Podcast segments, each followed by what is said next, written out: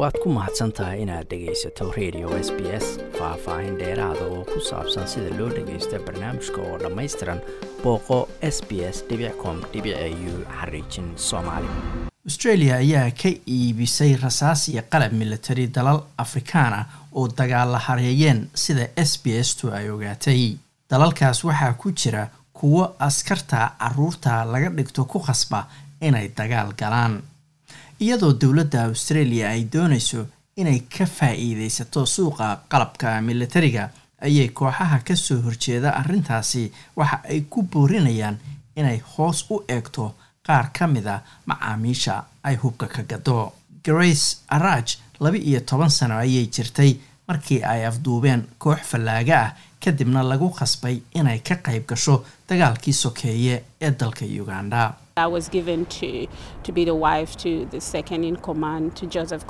waa la ii bixiyey ayay tiri si aan xaas ugu noqdo taliya ku-xigeenkii joseph coni isla sanadkiina xabad ayaa xabadka ama shafka la iiga dhiftay.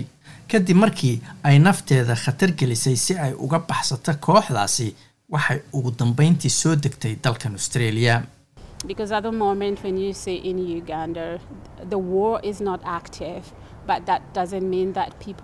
sababtoo ah wakhtigan hadda la joogo markaad fiiriso uganda dagaal kama socdo laakiin taas macnaheedu ma aha in dadku aysan dhibaataysnayn. Dukumiintii ay heshay s b s news ayaa lagu ogaaday in shirkado australiyaan ah ay si qarsoodiya hub military iyo rasaas uga gadaan dalal afrikaan ah oo dagaal la hareeyeen oo ay ku jiraan dalal ay ka jirto cabsi laga qabo tacadiyo ka dhan ah xuquuq bini-aadanka melissa park waxay hore u ahayd xildhibaanad xisbiga leybarka ka tirsan.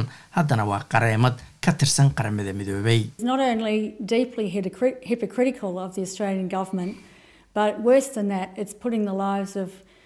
Arrintani ma aha oo keliya mid laba wajiilanimo ku ah dowladda federaalka ee australia ee wayba ka sii xun tahay waxay khatar gelinaysaa nolosha dad badan oo rayida oo aan waxba galabsan.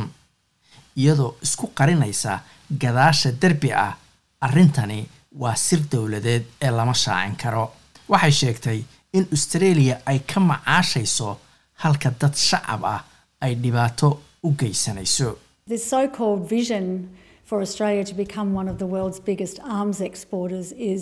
aragtida ah in australia noqoto mid ka mida dalalka hubka ugu badan dhoofiya. Waa mid runtii guracan waa wax adag in la aamino. Meesha aanu isu arki lahayn. Marka masraxa caalamka la joogo inaan nahay muwaadin caalamiya oo fiican. Dal faafiya nabadda iyo barwaaqada iyo ixtiraamka xuquuqda bini-aadanka taas beddelkeeda waxaan doonaynaa inaan sii kordhino samaynta iyo iibinta hubka ayay tiri. S b s news waxay ogaatay in wasaaradda gaashaandhigga ee dalkan australia ay ansixisay in hub iyo qalab military laga iibiyo ugu yaraan siddeed iyo toban dal oo afrikaan ah wixii ka dambeeyey labadii kun iyo shan iyo tobankii. Waxaa ka mid ahaa ogolaanshaha la bixiyey afar iyo toban ku aadanaa dalka burkina faso oo sannadkii la soo dhaafay lagu eedeeyey inay toogteen boqolaal maxaabiisa siddeed iyo toban ogolaansho ayaa hub looga iibiyey dalka uganda oo lafteeda lagu eedeeyey inay si sharciyan u iibsatay hubka laakiin ay dalal kale u gudbisay. Afar iyo toban ogolaansho waxaa hubka looga iibiyey dalal ay ku jiraan soomaaliya maali iyo koonfurta suudaan oo dowladahooda lagu sheegay inay carruur u qortaan askar. Matt tinkler waa ku-xigeenka madaxa ahna agaasimaha arrimaha siyaasadda iyo barnaamijyada caalamiga ah ee hay'adda safe the children.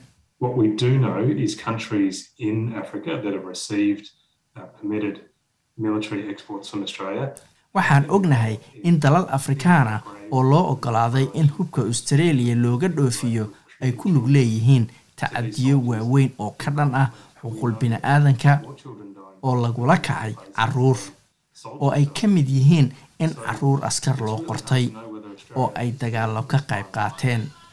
Waxaanu ognahay in carruur badani ay dagaalada ku dhinteen kuwaasoo ka badan askarta isla dagaaladaasi ku dhimatay.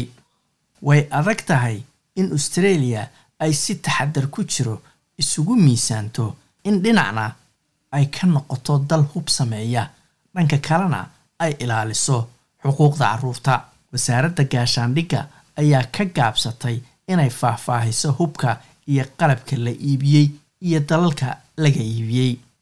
Laakiin oggolaanshayaasha la bixiyey ayaa la xiriira qalab si gaar ah loogu talagalay in militari ahaan loo isticmaalo iyo rasaas labadaas oo labaduba ah dabiiciyan kuwa dilaa ah. Wasaaradda gaashaandhigga ayaa sheegtay in qiimeyn buuxda oo dibi eegyada lagu sameeyo ansixinta hub kasta oo la dhoofinayo lana diido in la ansixiyo haddii qiimeyntaas lagu helo in wax khatara ay ku tahay danaha qaran ee dalka australia. Laakiin kooxaha diidan iibinta hubka sida nikita white oo ka tirsan amnesty international ayaa sheegtay in australia aysan lahayn hufnaan wax walbana ay yihiin wax la qarinayo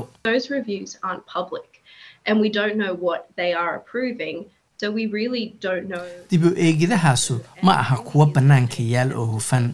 Mana ogin waxa ay ansixinayaan. Marka ma garan karno runtii inay run sheegayaan iyo in kale. Mana ah runtii habraac la aqbali karo iyadoo cawaaqibka ka dhalanaya ay tahay in hubkaas uu galo gacamo qalada. Ma dabagalno hubka marka uu gaaro meeshii loo dhoofiya ayay tiri. Waxaana jira khataro saxa in dalalka dagaaladu ka socdaan uu hubku gacanta u galo kooxo hubaysan iyo kuwo kale oo aan cidna la xisaabtamin.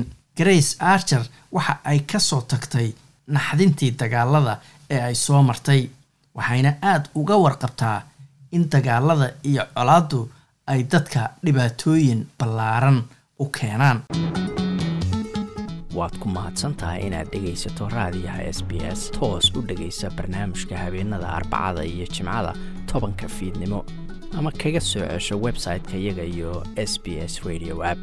Booqo s b s com au xariijin soomaali